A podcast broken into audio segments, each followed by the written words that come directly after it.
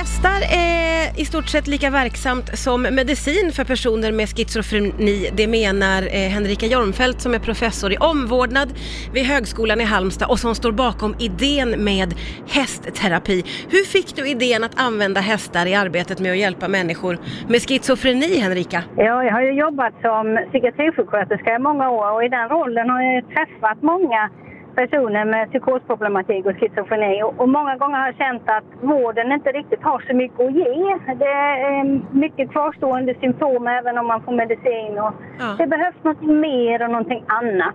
Hur, och Och hur, så har jag, ja, hur, hur, eh, hur går den här hästterapin till då? Hittills har det mest varit att vi har faktiskt varit ute och gått promenad med hästarna i skog och mark. Och så har vi då pysslat om dem lite, gett dem äppelbitar och ryktat och kastat hovar och klappat, satt på grimman och lett ut och in i hagen och sådär. Ja. Överhuvudtaget lärt känna varandra. Ja. Och, och vad har det för effekt då eh, på, på eh, de här patienterna skulle du säga? Ja, vi har ju försökt att utvärdera lite under tiden, eh, under ett år nu. Och eh, det vi har sett eh, preliminärt är att det finns signifikanta skillnader, även om det är en väldigt liten grupp som har fått möjlighet att delta.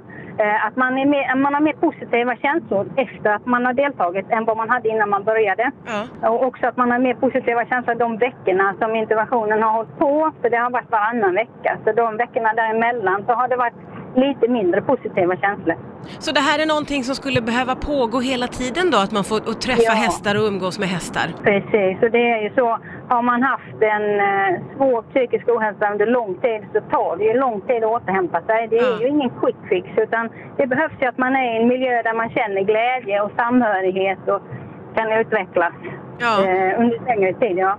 Vad är det med djur som har en så bra inverkan på oss människor, tror du?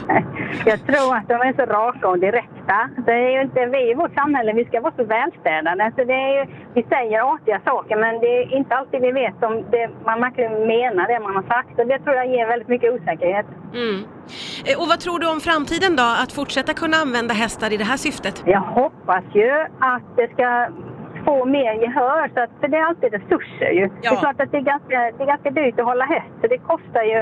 Men samtidigt kan man få riktigt bra effekter så kan man säkert tjäna in det i det långa loppet. Mm. Ja, men så jag hoppas att det ska komma fler till del. Ja, jätteroligt att få prata med dig. Tusen tack Henrika Jormfelt som är professor vid Högskolan i Halmstad. Tusen tack för att du var med. Tack så mycket.